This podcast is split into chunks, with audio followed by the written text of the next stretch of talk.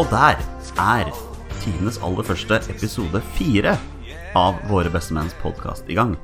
Jonny heter jeg. Jeg sitter, ikke overraskende, ikke alene i dette rom her i Bestemenn Studios, for ved min side der sitter, som alltid, Petter Hermansen. Hei, Petter. Hallo, hallo.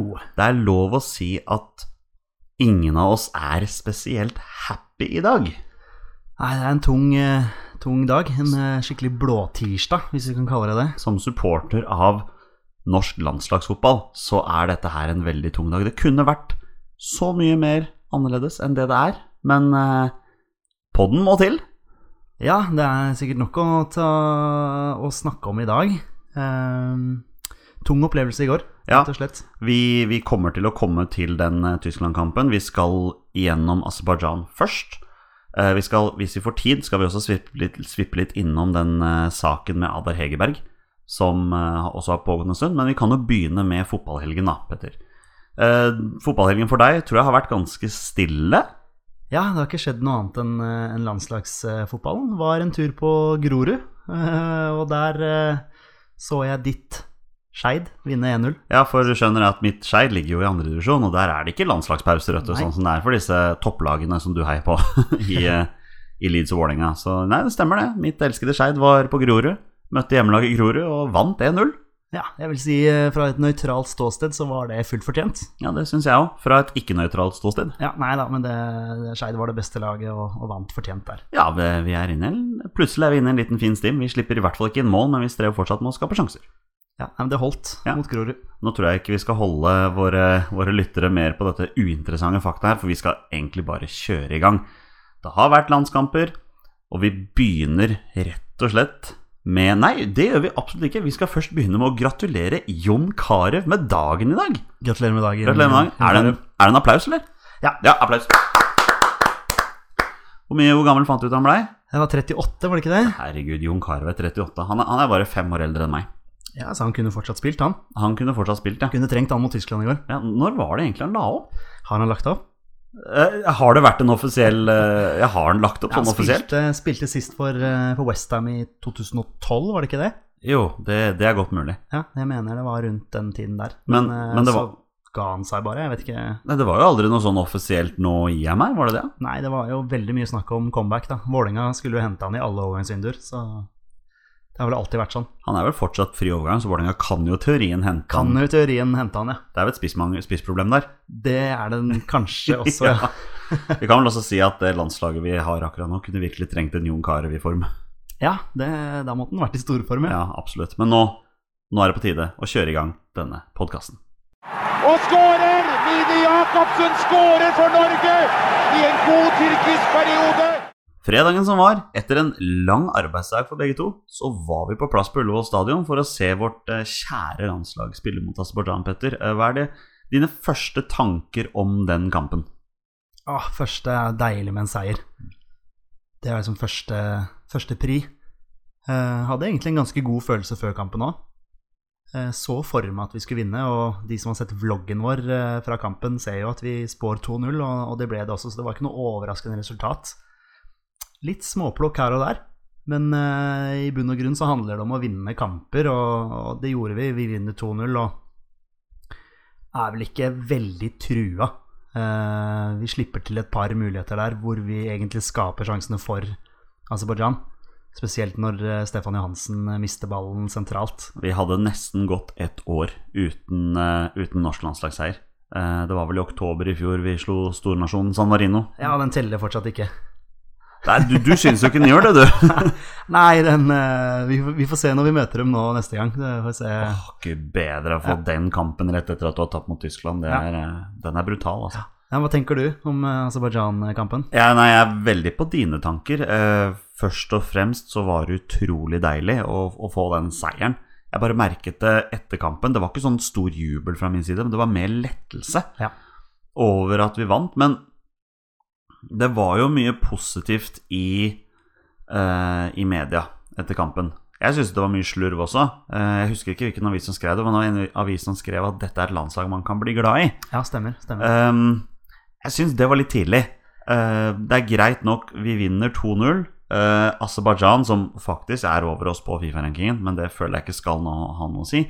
Aserbajdsjan er et lag vi skal slå på hjemmebane. Nå vinner vi jo 2-0, men la oss ta, vi kan ta førsteomgangen først, da. Um, det var ikke en bra omgang. Nei, det var ikke det. Jeg tror uh, altså, Vi ble overraska over, at- over at Norge eh, Altså presshøyden til Norge At vi lå, så, at vi lå forholdsvis lavt og lot Aserbajdsjan få lov til å føre ganske mye og ha veldig mye ball. Så det, det overraska meg. Men jeg har skjønt at Aserbajdsjan har blitt mer spillende og mer ballbesittende. Ja, det var jo litt som vi nevnte i forrige podkast, at Aserbajdsjan som fotballnasjon har jo tatt store steg i løpet av noen år nå, men jeg syns ikke det forsvarer at vi på hjemmebane legger oss sånn som vi gjør, Nei. og lar de få trille ball. Jeg savna press der, altså. Jeg, Jeg savna noen press som og aggressivitet, ja. ja, savna noen som virkelig gikk på. Mm. Um, men så er det liksom sånn Er det frykt? Er det det der? Er det usikkerhet? Altså, er det, er det dårlig selvtillit? Ja, det er jo veldig, veldig gode spørsmål, egentlig. Vanskelig å, vanskelig å sette fingeren på det. Men eh, jeg savner, eh, og det gjør jeg jo i Tyskland-kampen også, som, som vi skal gå gjennom etterpå, jeg savner no, noen skikkelige ledere.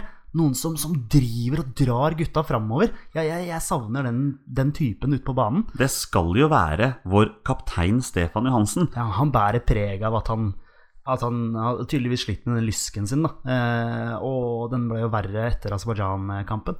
Men som vi har snakka om før også, jeg syns ikke han leverer noe som helst. Jeg husker når vi så Norge mot Bulgaria. Det var høsten 2014, når vi vant 2-1.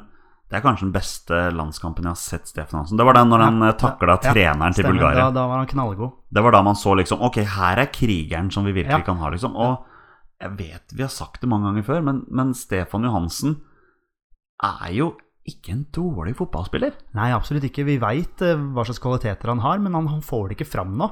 I det I- hele tatt. I hvert fall ikke på landslaget. Nei, eh, han gjør ikke det. Det, det er skuffende. Uh, og det er flere som må ta mer tak. Altså, jeg savner et sånn brennende engasjement når du, når du står og ser på kamp, og det, det samme med Tyskland-kampen igjen, som vi selvfølgelig kommer innom, som, som sagt.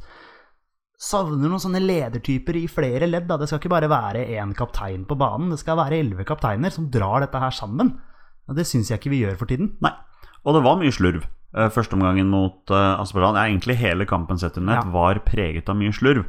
Eh, men det var i hvert fall veldig deilig å ta med seg den ledelsen til pause. Straffen var jo soleklar. Soleklar straffe og bra satt av King. Altså sender keeper feil vei og. Det er vel én av to målsjanser vi har i første omgang. Vi Ja. har vel den som vi snakket om med Moi. Moi skyter over på en ganske god mulighet der, ja.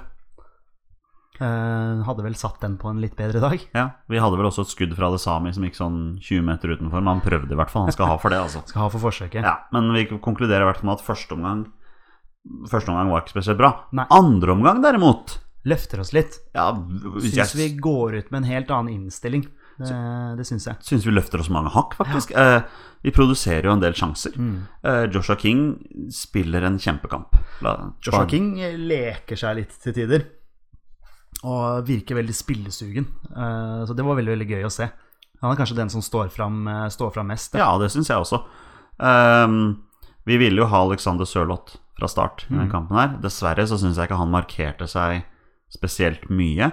Men han ble jo veldig mye han- Jeg føler at han skal være der oppe og plukke baller og liksom spille dem videre, men han, han var litt feilposisjonert til tider. Ja, det tar kanskje litt tid å få spilt inn dette her, da. Ja, det er mye mulig. Eh, nå bytta vi jo de eh, posisjonene i kampen etter, så jeg vet ikke helt hva, hva slags signal det sender. Men, men eh, jeg tror nok Lagerbäck er inne i en periode også hvor han eksperimenterer litt og prøver litt forskjellig. Jo da, absolutt. Eh, Og hvis du basert på form, så skal jo Alexander Sørloth starte kampen, for han har skåret en del mål for klubblaget sitt.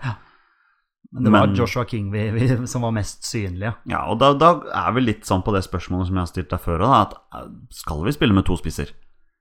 Vi Ja, har det, er jo, liksom, det har jo vel hele veien vært Lagerbäck sin uh, måte å spille på. Da. Veldig pro 4-4-2. Uh, og uh, jeg tenker at han sannsynligvis ikke går bort ifra det. Men så er det dette her med om vi har typene til å spille 4-4-2. Jeg syns jo over de to kampene her at jeg er veldig usikker på om, om 4-4-2 er veien å gå for Norge. For det første, vi har én spiss som er bankers. Det er Joshua King. Og så er det veldig sånn Det er veldig jevnt mellom de som skal spille, spille, spille ved siden av ham, da. Men så ser du på de spillerne som liksom når vi starter i 4-4-2 Mats Møller Dæhlie spiller jo på venstrekanten. Er jo egentlig ikke en kantspiller.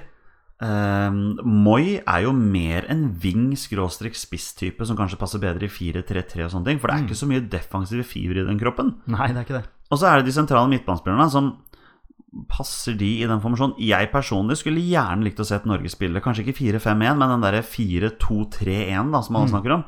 Hvor vi da kunne hatt to defensive midtbanespillere, si Berge og Johansen, da, som rivjern på midten. Så har du den trio rett foran som kanskje kan få litt fritt spillerom.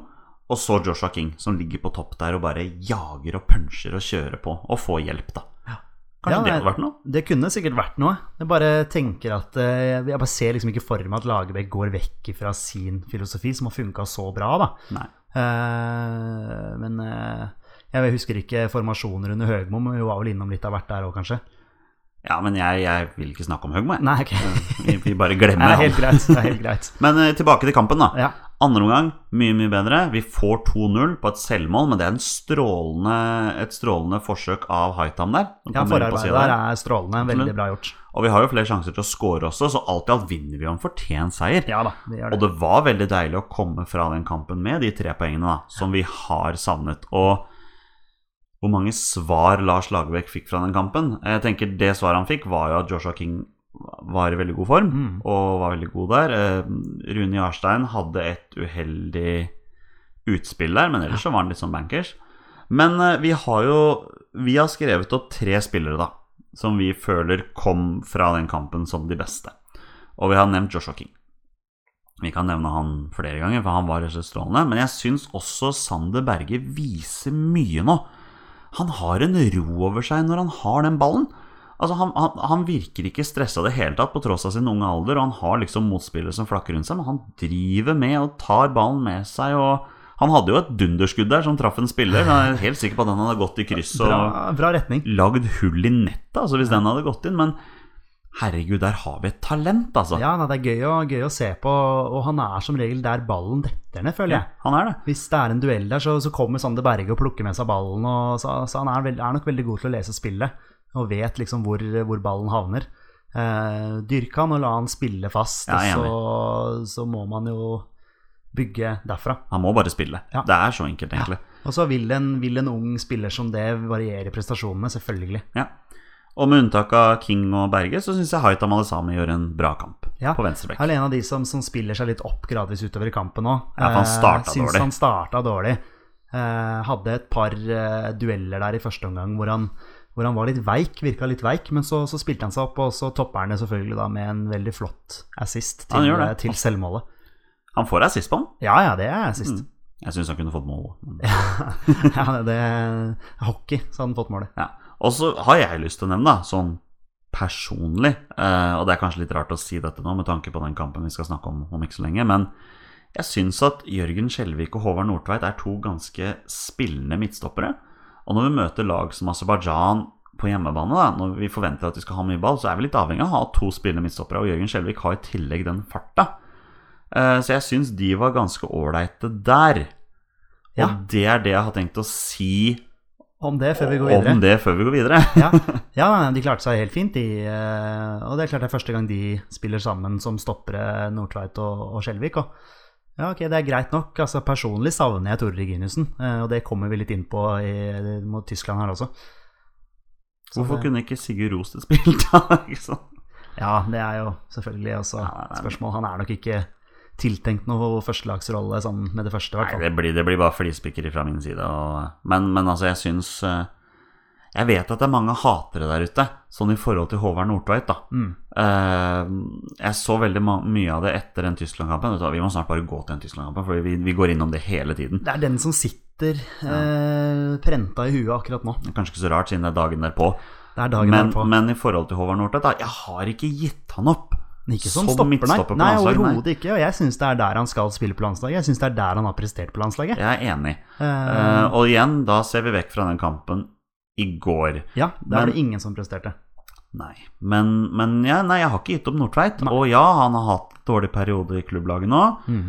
Eh, men, men skal han være med på landslaget, så må han spille der. I hvert fall på et landslag som har det midtstopperproblemet som vi har nå. Vi må bare stikke fingra i jorda og innse at vi har et midtstopperproblem på landslaget. Ja, ja, og spesielt når Reginiussen er ute. Altså, jeg mener eh, oppriktig talt at uh, Tore Reginiussen må spille når han er frisk, for jeg syns han er knallbra som midtstopper. Ja, for hva er egentlig alternativene til Nordtveit og Reginussen. Du har Gustav Walsvik. Han har ennå til gode å imponere meg på landslaget.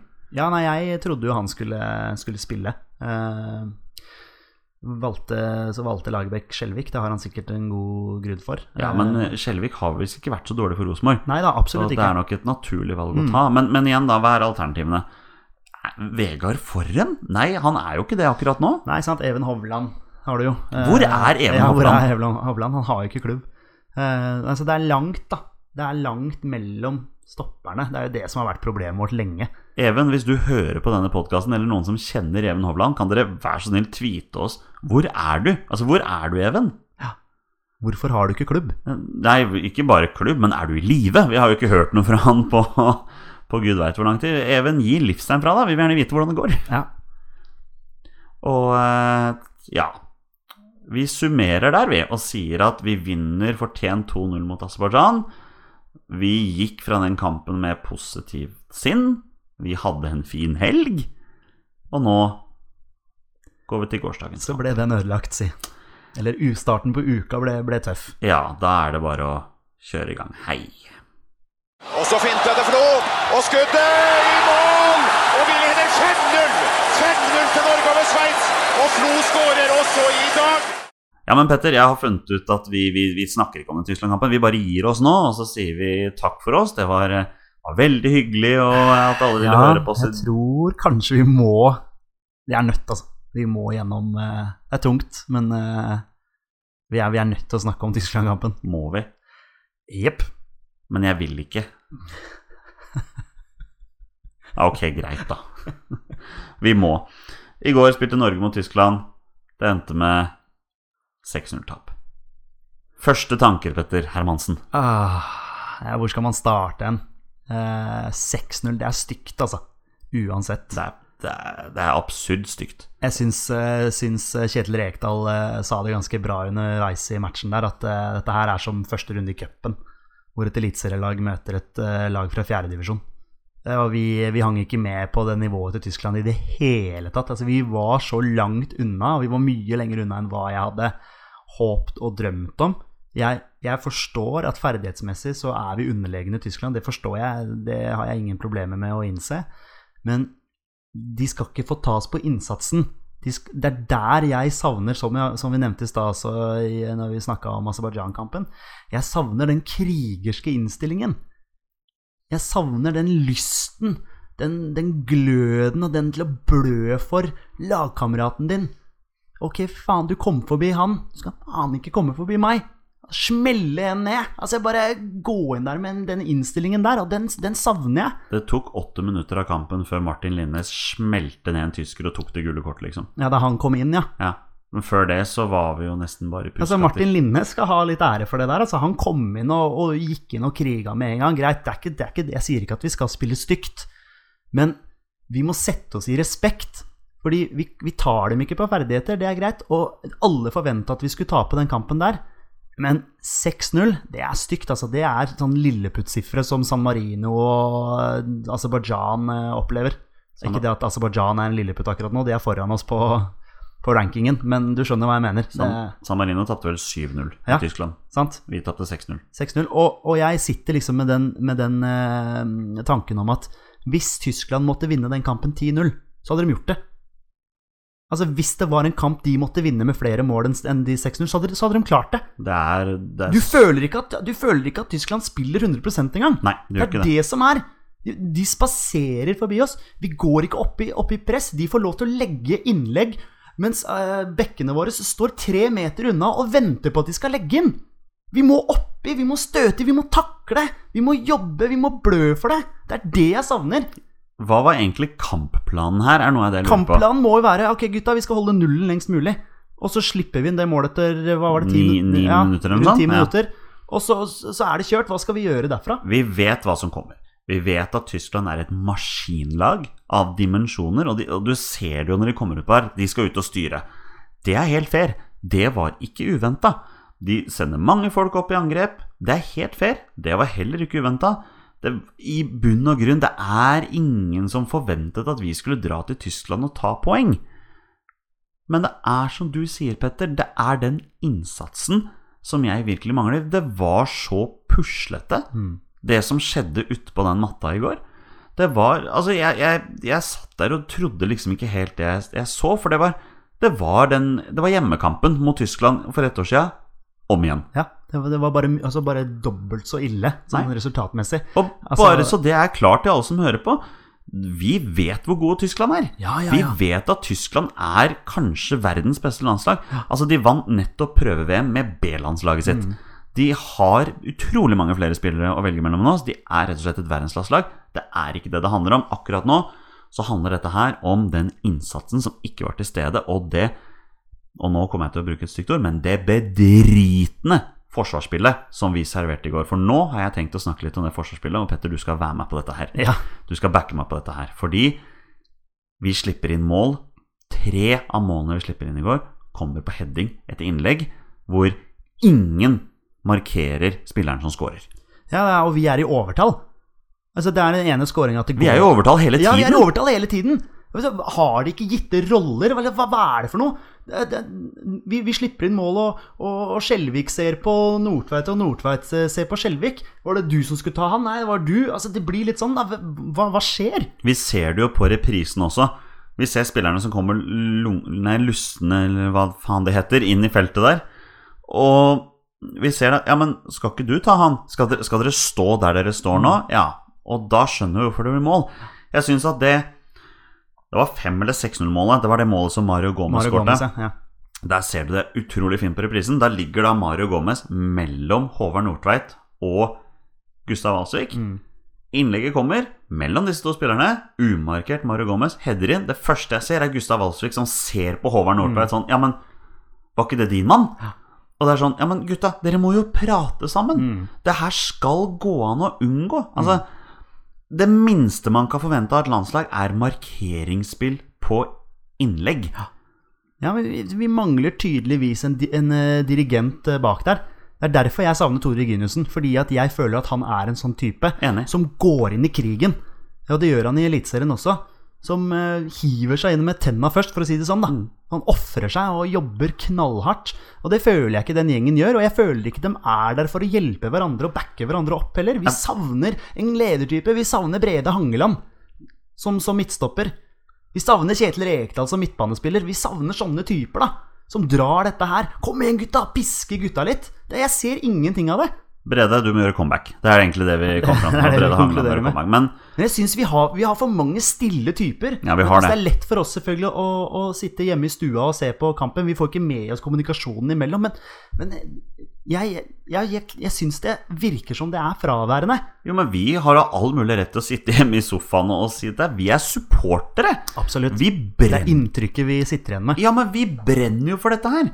Det er ikke bare Altså, det er ikke Vi forventer jo at spillerne vil det samme som oss. Vi forventer jo spillere Når du først tar på deg den landslagsdrakta til Norge, da forventer jeg innsats. Da forventer jeg at du skal vise deg fram og være den drakta verdig. I går var det ingen som var den drakta verdig. Ingen. Jeg syns eh, Det var vel TV 2 som ga terningkast i går, som, som gjorde det riktige her. Og ga samtlige forsvarsspillere terningkast 1, for det var ingen som spilte opp til en toer engang. Det var dritdårlig fra start til slutt. Jeg, jeg, jeg merker jeg blir skikkelig forbanna nå, for nå kommer hele kampen tilbake igjen. Men det var så forferdelig.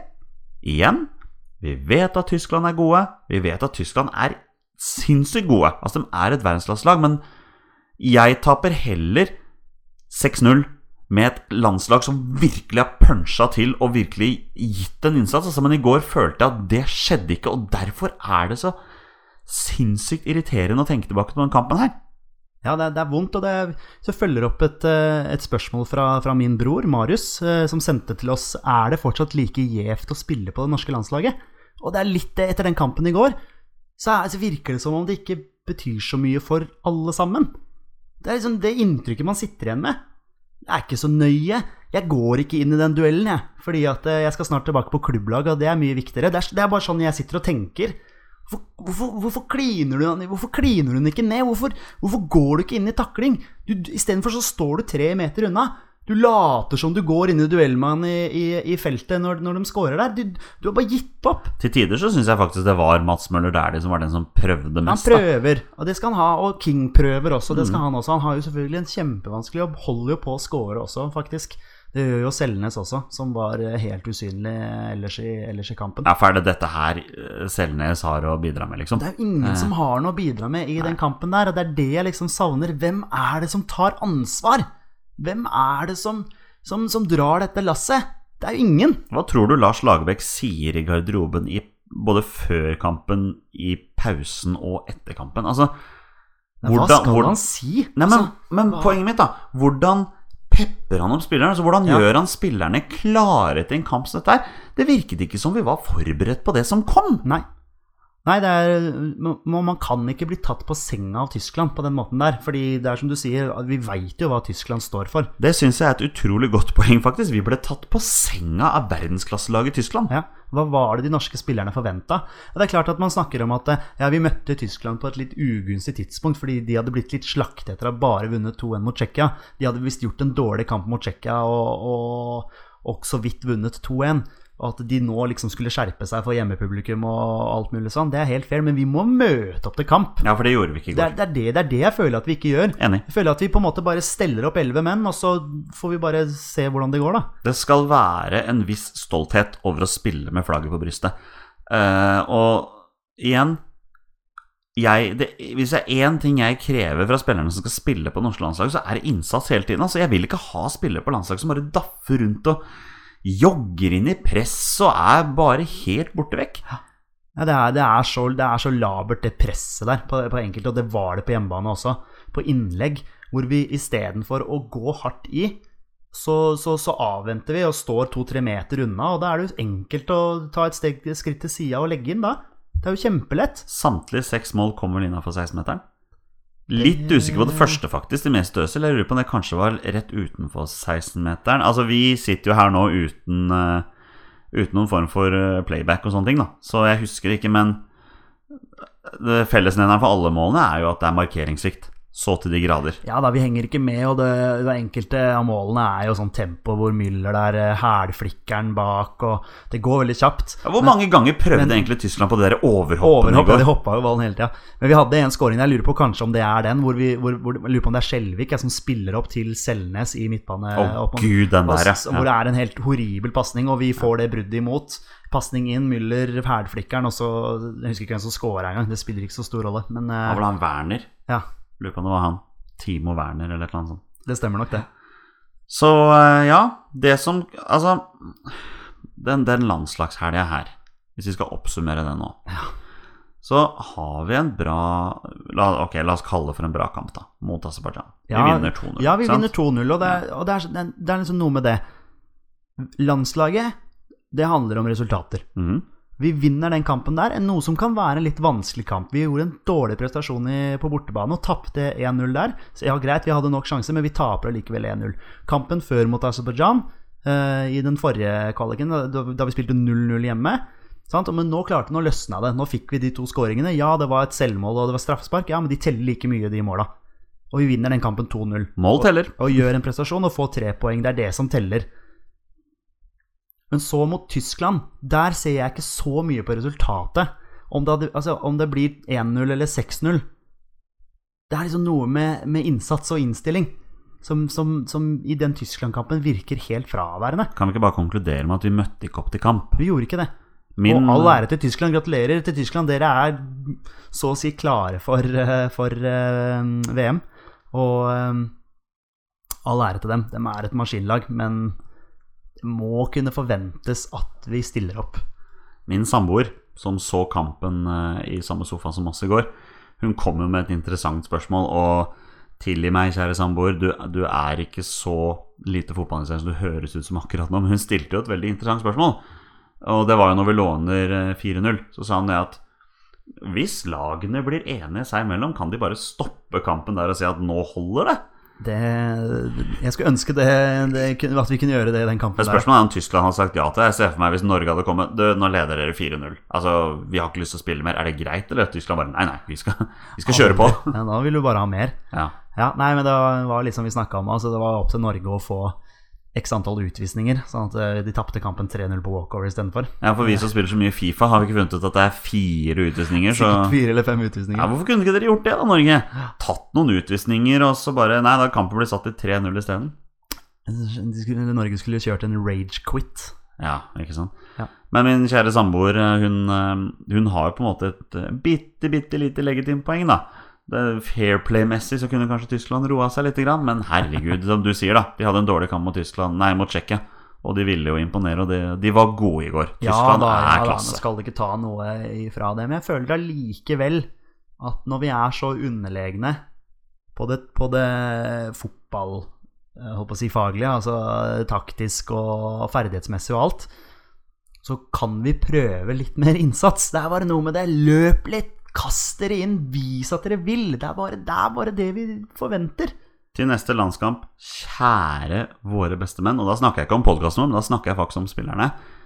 Vi forventer faktisk mer av dere, selv om dere møter Tyskland. Vi forventer innsats, og vi forventer folk som brenner for landslaget. Men hadde bare et sånt eh, eh, kjapt spørsmål før vi går videre.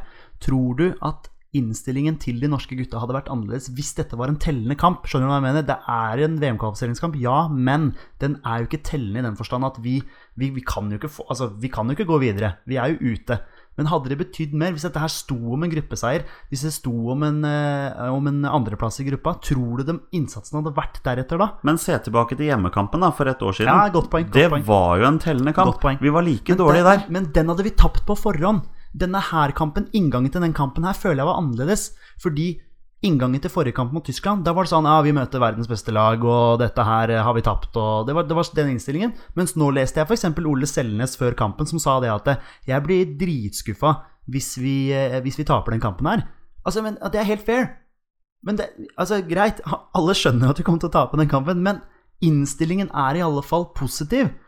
Jeg blir, jeg blir kjempeskuffa hvis ikke vi vinner eller spiller uavgjort i den kampen her. Jeg syns det er en bedre inngang. Det er bedre for oss supportere å lese, det er bedre for oss supportere å høre enn den inngangen de hadde til hjemmekampen mot Tyskland. Fordi der var alle intervjuer Det handla bare om hvor fantastisk gode Tyskland var, og ikke noe om våre egne muligheter til å kunne ta et poeng.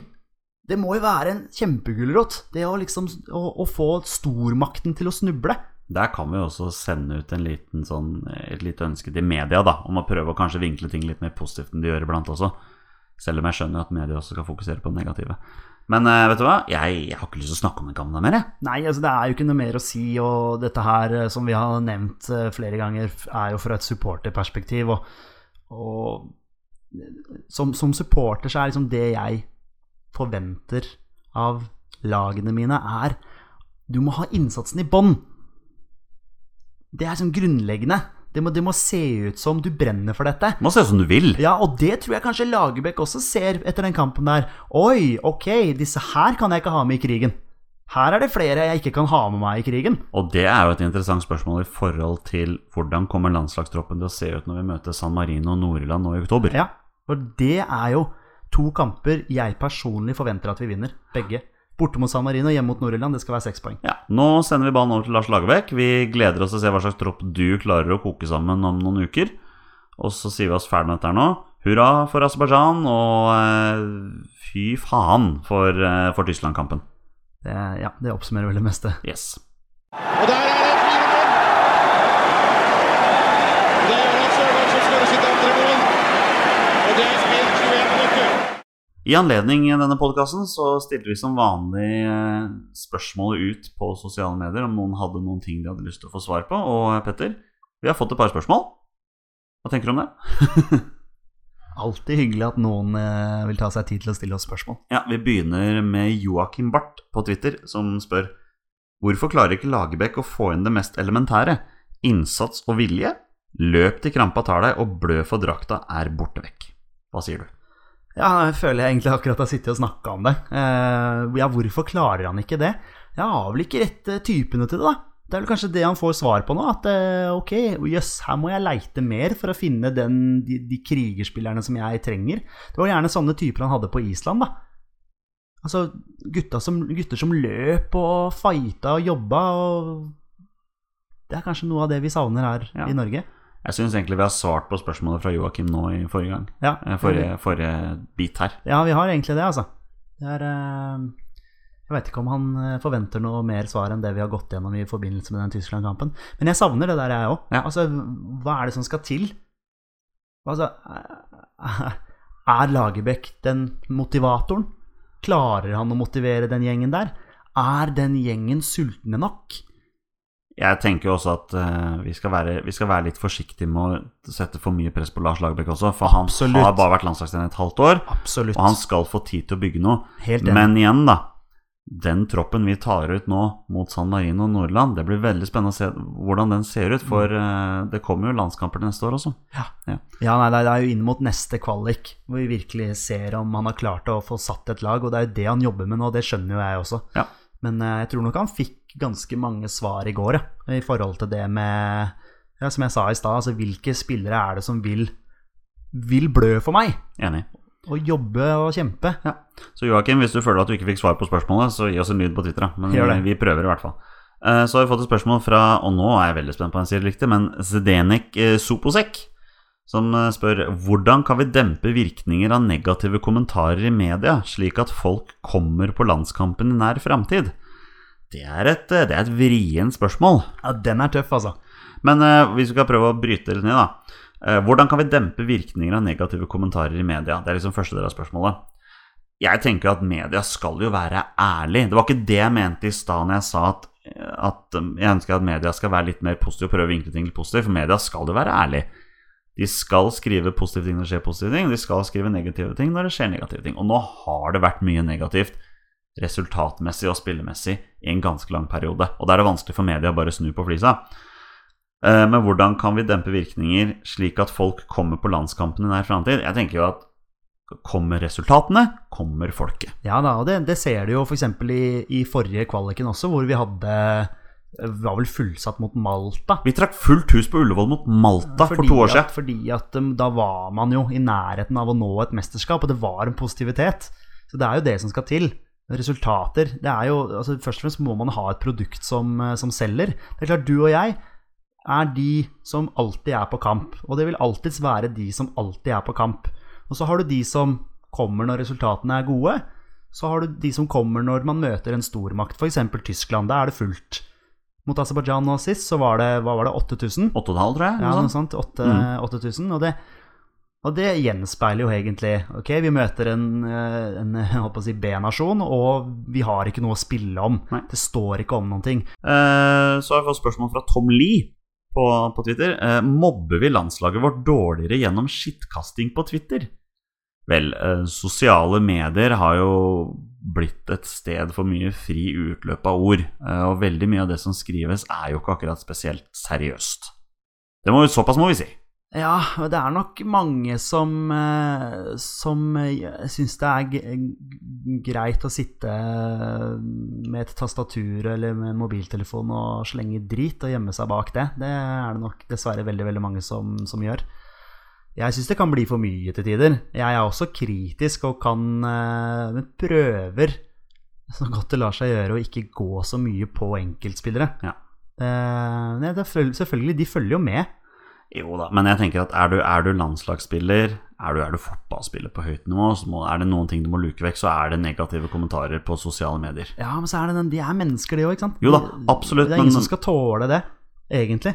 Nei, det, det trenger ikke å bli useriøst. Dessverre er det mye av det som er er useriøst, så vi skal være litt forsiktige med Det Det er noen som drar det litt langt. Jeg føler ikke at du og jeg sitter og mobber landslaget nå. Nei, når altså, vi har dette her. i bunn og grunn for, for vår del, som, som vi sier, vi, vi kan godt tape fotballkamper. Det er jo det vi har snakket om før også, men det er liksom, i bunn og grunn så må man ha den innsatsen og gløden. Det skal jo være gøy, og det skal være tøft å spille med norske flagget på brystet. Men det er det vi syns mangla, i hvert fall i går mot Tyskland. Ja, enig. Eh, mens vi har spilt inn denne podden, så har vi fått et spørsmål til. Oi. eh, fra Morten Røstengen, som spør Lagerbäck sa etter kampen at Nordtveit var en av Norges beste. Så vi samme kamp? Ja, Hvis man skal drive og dra fram hvem som var best i går, så Men det er klart det kan godt hende at Lagerbäck vil prøve å bygge han litt opp. Uh, Det har vært utrolig mye negativitet rundt Håvard Nordtveit lenge. Altså både i Westham-perioden og nå i starten sin i Hoffenheim. Det har, det har bare vært negativitet. Ja, det har det. Så kan det være pedagogen eller Lagerbäck, kan vi kalle han det, som, som, som kommer inn der og, og vil bygge opp spilleren sin? Jeg, jeg vet ikke. Tro det eller ei, men her i Bestemenns Studios akkurat nå sitter det faktisk to pedagoger. Det gjør jo det. Ja. Men Morten var ikke ferdig, han. Han er mer på lager. Eh, I gode perioder for landslaget har vi hatt noen stoppere som er sheriff bak. Bratseth, Berg, Johnsen, Hangeland. Hvem skal være vår nye sheriff? Åh, det er så bra spørsmål, for det er akkurat dette vi har sittet og prata om. Morten, det er et kjempespørsmål! Ja, det er ikke sant. Hvem skal være vår sheriff? Jeg mener at en av våre sheriffer er Tore Reginiussen. Det har jeg Ja. sagt. Det er uh, Han er en sånn type som går foran. Tore, nå må du bli frisk. Nå må du bli bra igjen. Da kan du spille den 'Bli bra igjen'. Ja. Men, uh, men Den er klippet, faktisk. Men Den tror jeg klarer. Ja, Men jeg mener at det er Tore Reginiussen, iallfall. ja jeg mener vi, vi går for den. Ja. Tore Mann. Siste spørsmål vi har fått, og da er jo det et, et interessant spørsmål, dette også. Thomas André Olsen eh, spør Hva tenker dere om stillingen til Nils Johan Semb? Er det på tide å bytte han ut? Eh, jeg er klokkeklar på hva jeg syns om dette her, og jeg mener ja. Det er på tide å bytte ut Nils Semb. Nå skal jeg komme med en del grunner til hvorfor det, men flere av disse grunnene har vært ute lenge. For det første, landslaget vårt har dette som en stein på Fifa-rankingen så lenge han har vært eh, toppfotballsjef. Han har vært toppfotballsjef i ni år nå. En, en sånn type stilling skal være resultatdrevet. Og hvis den er resultatdrevet, så har ikke Nils Johan Semb gjort jobben sin. Um, han har vært der i ni år, han har tjent mye penger på dette her. Jeg tror det, lønna hans ligger på rundt tre millioner eller noe sånt. Men uh, Thomas André Olsen, jeg er veldig klar. Ja, jeg vil ha Nils Johan ut. Hva tenker du, Petter? Eh, ja, eh, ja, hva tenker jeg om det? Han har sittet lenge, og vi har ikke levert noe som helst under hans tid som toppfotballsjef. Og jeg tror ikke vi hadde blitt noe dårligere av å bytte, i hvert fall. Det, det tror jeg ikke. Og så er det det der med alternativer. Jeg vet ikke hvem som alternativt kunne gått inn der og, og tatt over som toppfotballsjef. Skulle man sett etter eh, utenlandske impulser? Eh, Skulle man tenkt litt annerledes? Skulle man tenkt nytt? Jeg vet ikke. Men vi hadde jo dette her, eh, denne Høgmo-perioden også, hvor han, hvor han kjørte denne sjansinga si borte mot Ungarn, spilte uten spiss og i det hele tatt De to kampene mot Ungarn syns jo du og jeg var ene og alene grunn nok til å gi Høgmo fyken, sånn at en ny trener kunne komme inn og få starta på den nye kvaliken fra start av. Istedenfor så dro vi med oss den negativiteten inn i denne kvaliken som vi er i nå, og du ser hva Lagerbäck har, tatt over. Altså dette, må, dette må jo Lagerbäck få tid på. Han, vi kan jo ikke dømme Lagerbäck før, før neste, neste kvalik, men det er bare så synd at de som sitter i toppene der, ikke handla tidligere. For dette så alle. Vi så hvor vi var på veien. Det gikk bare nedover, og vi spilte dårlige kamper. Så Jeg husker spesielt vi brukte en kamp mot Hviterussland som en oppladningskamp til Tyskland-kampen hjemme, hvor vi skulle legge oss bakpå mot Hviterussland. Vi skulle, vi skulle bruke Hviterussland-kampen til å forberede oss på Tyskland-kampen. Og da møtte vi Hviterussland og la oss defensivt, fordi vi skulle øve på å spille mot Tyskland. Helt på trynet. Det er sånn noe som skurrer her. Ja. Men jeg vil også nevne eh, behandlingen av Drillo.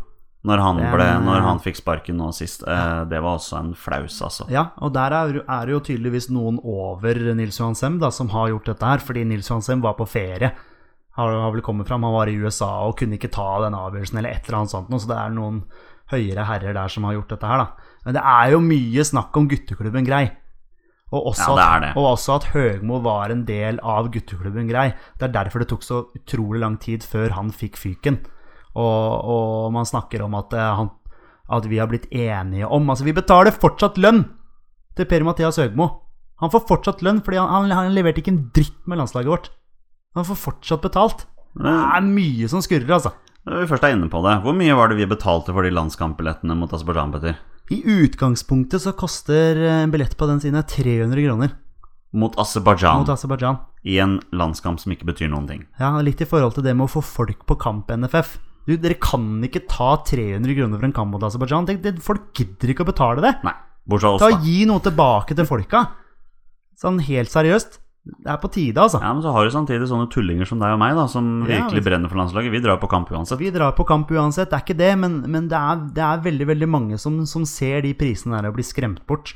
Jeg husker i mars 2013, eh, iskaldt mot eh, Albania. Hvor mye var det betalte for de? Var det ikke 400-500 kroner? eller noe sånt? 500 kroner betalte vi. Kan vi ikke bare konkludere med at Lars Lagerbäck får bli? Nils Hansem kan gå. Takk. Og det er skåring, og vi leder mot Brasil! Og det er Petter Rudi som skårer! Norge leder 1-0 mot Brasil! Det er ikke lenge til vi skal underholde våre lyttere med 20 spørsmål. Jeg håper for øvrig vi har underholdt dere gjennom hele podkasten. Men eh, uansett, vi skal straks innom 20 spørsmål. Men først så må vi innom en annen ting som har versert i media i det siste, og det er jo denne Ada Hegerberg-saken. Eh, For å prøve å oppsummere litt, da. Dette begynte jo med at Ada Hegerberg har trukket seg fra landslaget. Hun eh, kommer da med en eh, del begrunnelser som jeg personlig syns er ganske vage. Altså Der syns jeg faktisk Nils Hansem treffer litt, da, fordi den kritikken som Ada Hegerberg kom med, den er veldig lite konkret. Den er fair. Men så kommer svaret fra NFF, og NFF velger da at fire forskjellige personer skal uttale seg om saken. Det begynner med fotballpresident Svendsen. Generalsekretæren til Norges Fotballforbund uttaler at dette var et uklokt valg av Ada Hegerberg. Sier, sier generalsekretæren her at Ada Hegerberg er dum, Petter? Det høres nesten litt sånn ut. Det høres, nesten ut som en trussel. Det gjør det. At man, at man blir trua litt. Dette Ja. her skulle du aldri gjort fordi altså Jeg venter bare på at dette skal gi en eller annen form for konsekvens. Men det er jo tydelig at Hegerberg er misfornøyd med, med tingenes tilstand. Ja, og vi tar ikke noen, vi tar ikke noe parti i den saken her, fordi Hegerberg er, mis, Hegerberg er misfornøyd, det er greit.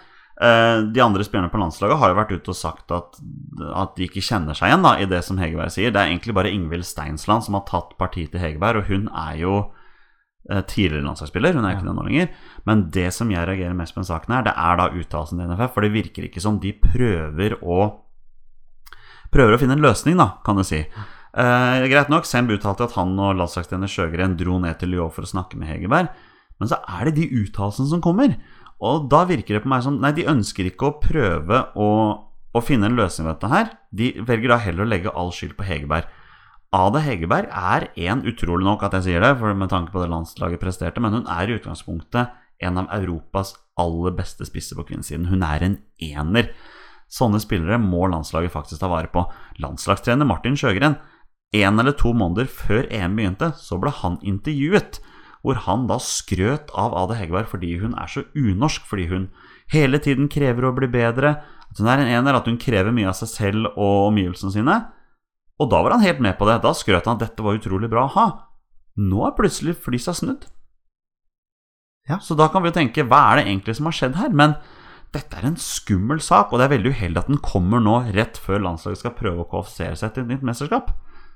Men hvorfor prøver ikke NFF mer med å, å finne en løsning på dette? her? Hvorfor går de da ut i media med fire forskjellige personer for å angripe Ada Hegerberg? Altså, jeg skjønner jo at Ege- Hegerberg blir forbanna. Ja, hva, hva, hva er det for noe? Liker de ikke Hegerberg? Er hun for stor? Altså, Er det noe med perso personligheten til Ada Hegerberg som blir uspiselig? Er det ikke noe stort tap for garderoben at Ada Hegerberg er borte? Jeg bare føler ikke de jobber nok for å ha med videre, da. Nei, men altså Det er kanskje noe av det jeg savna mest i norsk landslagsfotball. Er det her eh, Er vi gode nok til å dyrke enerne? Altså Er vi gode nok til å dyrke de som er litt annerledes enn den Si landslagsnormen da for hvordan en spiller skal være på landslaget? Altså Ada Hegerberg er noe utenom det vanlige. Altså Hun er rett og slett veldig, veldig god. Selv om hun ikke viser det i mesterskap, så er hun utgangspunktet veldig veldig god. Bare se hvor mye mål hun scorer for et av Europas beste lag. Altså Hun svarte nå i helgen, for å si det sånn. Hvor mange var hun skårte da? Lyon vant 7-0, tror jeg, og hun skåra fire. Før pause, var det ikke det? Noe sånt. Hun Ja, skåra i hvert fall fire ja. mål. Uh, greit nok, Lyon er en klasse for seg selv i Frankrike og sånne ting, men jeg håper det blir en løsning på dette. For jeg ønsker jo selvfølgelig at kvinnelandslaget vårt skal gjøre det bra. Og når de da mister en av de aller beste spillerne i Europa, så sier det seg sjøl at det er et tap.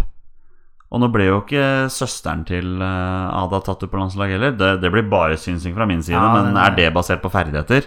Jeg reagerte på den der, jeg også. Ja. Eh, hun var vel ute på Twitter og sa det at eh, jeg vil bare meddele at jeg har ikke trukket meg fra landslaget. Eh, jeg er bare ikke tatt ut. Ja.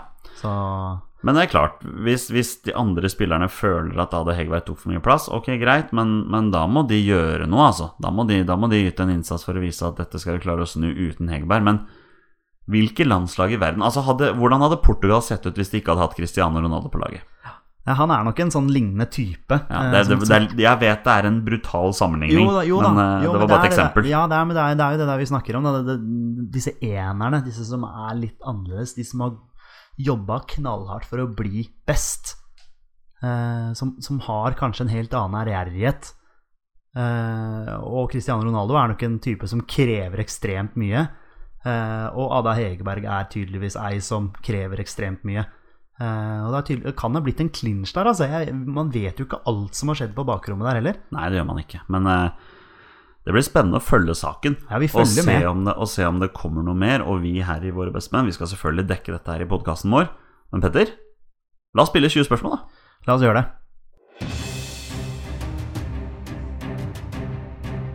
Mine damer og herrer, det er nå tid for 20 spørsmål. Oh yes, da skal vi spille 20 spørsmål, Petter. Er du klar for dette, eller?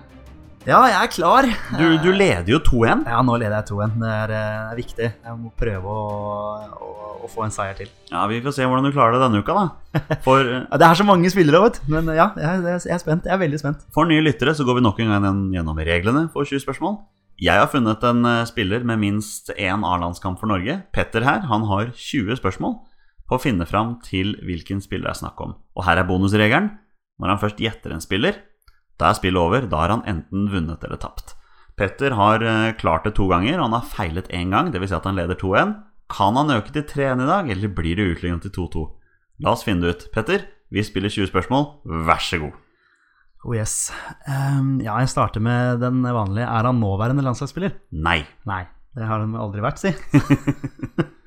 uh, så kan vi starte med posisjon, da. Er han forsvarsspiller? Nei. Midtbanespiller? Nei. Angrepsspiller? Ja. Ok. Han er angrepsspiller. Ehm, er han fortsatt aktiv? Nei. Han er ikke aktiv fotballspiller. Nei. Eh, spilte han på landslaget på 90-tallet? Um, tenker du da om han fikk tellende landskamp på 90-tallet? Eh, ja. Ja, ok. Så det kan godt hende at siden du måtte tenke litt, så kan det godt hende at han var litt på slutten der, da.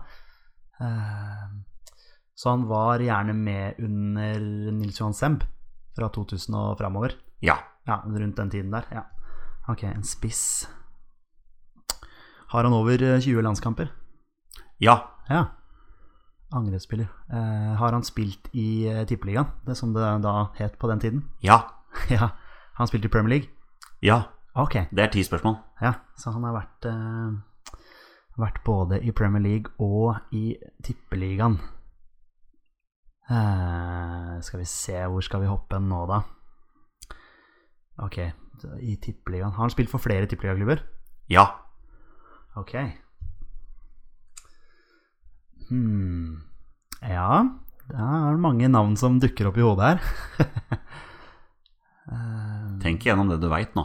Ja da, ja da. Jeg vet jo, vet jo ganske mye nå, egentlig. Eh, Prøve å først og fremst finne ut eh, hvilken klubb han spilte for i Tippeligaen, kanskje. For så vidt også Premier League. Eh, Og han spilte for flere tippeligaklubber. Eh, Spilte han for et lag på Østlandet? Ja. Ok. Det er ganske mange òg, vet du. Det er jo um...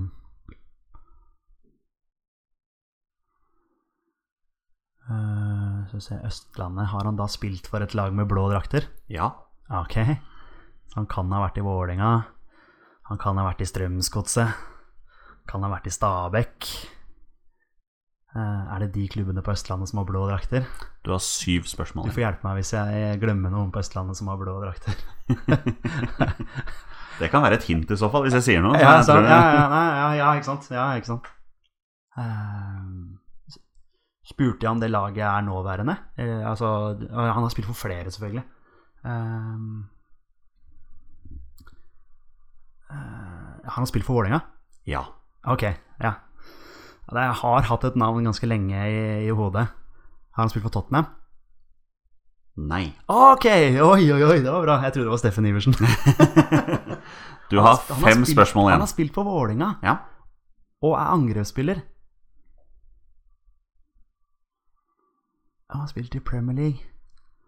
Ja, det kan jo selvfølgelig være Det kan jo selvfølgelig være han som har bursdag i dag. Ehm. oi, oi, oi. Jeg må bare tenke på flere Vålinga-spillere. Men han spilte jo, jo han spilte jo selvfølgelig under, eh, under Semb, han også. Så klart gjorde han det. Uh, ja jeg, skal, jeg har jo flere spørsmål her som jeg kan bruke, som jeg Ja. har i hodet, men Husk sånn, at du har fem spørsmål igjen, men ett av de spørsmålene må jo da være være, Er det spillerne? Ja. Ja. ja. Uh, altså, er liksom Så egentlig spiller vi jo 19 spørsmål, men får det bare være. Ja, ja. Er, Nei, altså, jeg har jo selvfølgelig Jeg kan spørre om han har han spilt for Rosenborg. Nei. Ja, ikke sant, der kom den, så da må jeg begynne å tenke igjen. Vålerenga og landslaget. Spiss. Har Vålerenga hatt spisser på landslaget? og han er ikke aktiv. Han er ikke aktiv, nei. Nei, ikke sant? Så det er jo ikke Det er jo ikke Moa. Og han har spilt i Premier League. Oi, oi, oi, Vålerenga. Moa har jo ikke spilt i Premier League, har han det? Nei da, nei, nei, nei, nei da, han har ikke det. Nei da, bare Men han her har spilt i Premier League.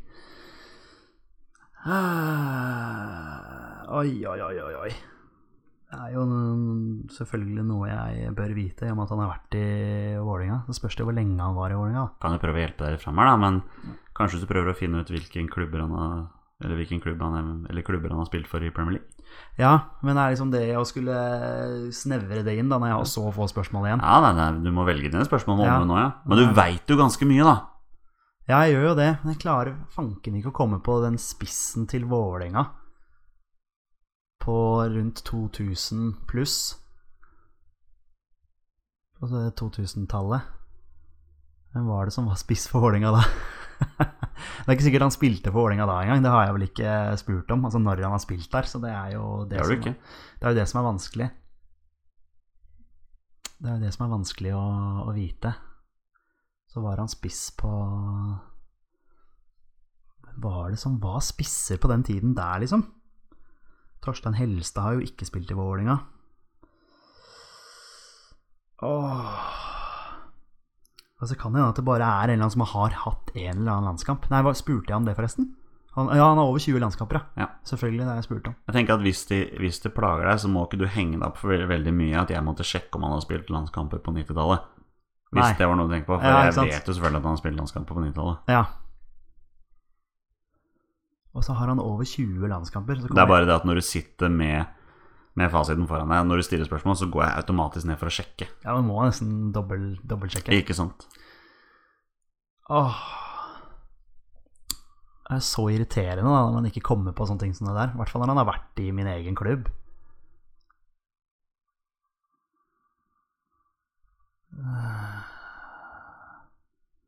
Så han spilte i Tippeligaen. Jeg må bare prøve å tenke Altså, han har vært i Premier League også. Hvilke spillere har gått fra Vålerenga og videre? Hva hvis du prøver å finne ut hvor i landet han kommer fra, kanskje? Vet ikke om det for så vidt er noen hjelp. da, Nei, nå har jeg faktisk såpass få spørsmål igjen nå, så nå, Ja, nå, nå, nå, nå veit jeg ærlig talt ikke hvilket spørsmål jeg skal bruke. Men du har tre spørsmål igjen da før du må gjette navn på en Ja. spiller. Så du, du kan jo bruke dem. Ja, ja, for all del. For all del. Men det er det å prøve å bruke dem litt med Litt med omhu. Og så er han angrepsspiller. Da tenker jeg spiss, selvfølgelig. Ehm, en målscorer.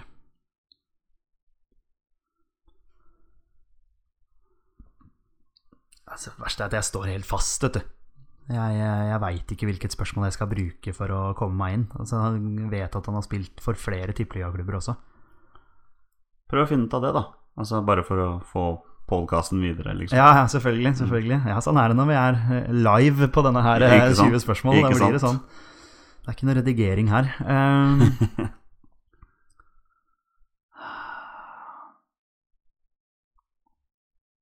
han har vært i Premier League.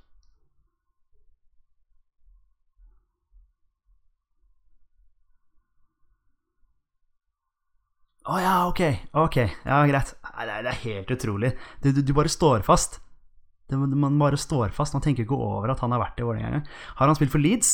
Ja, Er det Tor André Flo? det er Tore André Flo, Petter. Fy fader. Det er helt utrolig, vet du. Åh, det er så slitsomt når jeg sitter sånn som det der. Fordi, Hva var det som gjorde at du kom på det? Uh, det veit jeg faktisk ikke. Det bare poppa inn.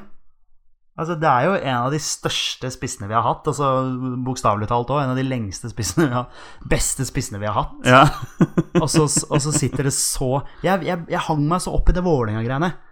Ikke sant? Det var nok et dumt spørsmål, ja. Ja, ja, eller, ikke et dumt Nei, spørsmål, nei, men det var mye av det som du hang deg opp i. Ja. Det er det, ikke sant? Det er, og da Han var jo ikke lenge i Vålerenga. Nei, han var, han var én sesong, ja, sånt, ja. han, han er jo ikke kjent for å ha vært i Vålerenga. Nei, er nei, nei. så I og med at det er mitt lag, så blir det sånn at du henger deg så mye opp i det. Men hadde du spurt f.eks. om han hadde spilt for Brann, da tror jeg kanskje du hadde kommet deg fram til det litt Ja. tidligere. Men jeg visste jo ikke hvilket spørsmål jeg skulle bruke neste gang. Og jeg så liksom ikke for meg Jeg så for meg at det var en eller annen spiss ikke? Jeg hang meg opp i det at spissen hadde vært i Vålerenga og så blitt solgt til utlandet. Ja. Men det ble han jo ikke. Han gikk jo for så vidt fra Vålerenga til Leeds, da, men, men, eh, men han gikk jo eh, han, han var vel på free, free transfer. Han var vel det. Ja, nei, men jeg fikk det jo til, men jeg, jeg, jeg brukte lang tid på egentlig en veldig ja, stor spiller. Unnskyld, Tor André Flo, at jeg brukte så lang tid. Men gratulerer skal du være, Petter. Du klarer 20 spørsmål denne uka også. Du, du leder nå 3-1. Eh, Det kan jo virke som jeg kanskje må sette opp vanskelighetsgraden til, eh, til neste uke. Hva tenker du om det? ja, nei, altså, den, denne her var jo lett, men jeg gjorde den vanskeligere enn det den ja, skulle gjorde, være. du gjorde kanskje litt vanskeligere Ja, ja, ja, jeg hang meg for mye opp i det Vålerenga-greiene. Er- Jeg skal aldri spørre om de har spilt for Vålerenga igjen. Gratulasjon til Petter er uansett på sin plass. Og med det tenker jeg at det er på tide å runde av podkasten for denne gangen. Petter, det er en fornøyelse å være her sammen med deg. Det er en fornøyelse å diskutere landslagsfotball med deg. Like måte. Eh, Vi sier litt grann beklager til alle lyttere hvis vi har vært litt negative i dag, men det er som vi har nevnt tidligere. Dette er en podkast om hovedsakelig norsk landslagsfotball, litt grann internasjonal landslagsfotball, men her får dere en podkast av to supportere for to supportere. Eller for de som gidder å høre på. For, håper, håper for flere supportere. Ja, det var kanskje litt feil å si for to supportere. Jeg håper det er flere enn to supportere der ute som hører på oss, ja. Nå tror jeg vi er slitne begge to. Ja, det, det, det er greit å gi seg nå. Ja, det tar på med dette, så det tar på. Så jeg tenker at vi sier takk for oss. Vi sier heia Norge. Heia Norge. Og hei! Gutta!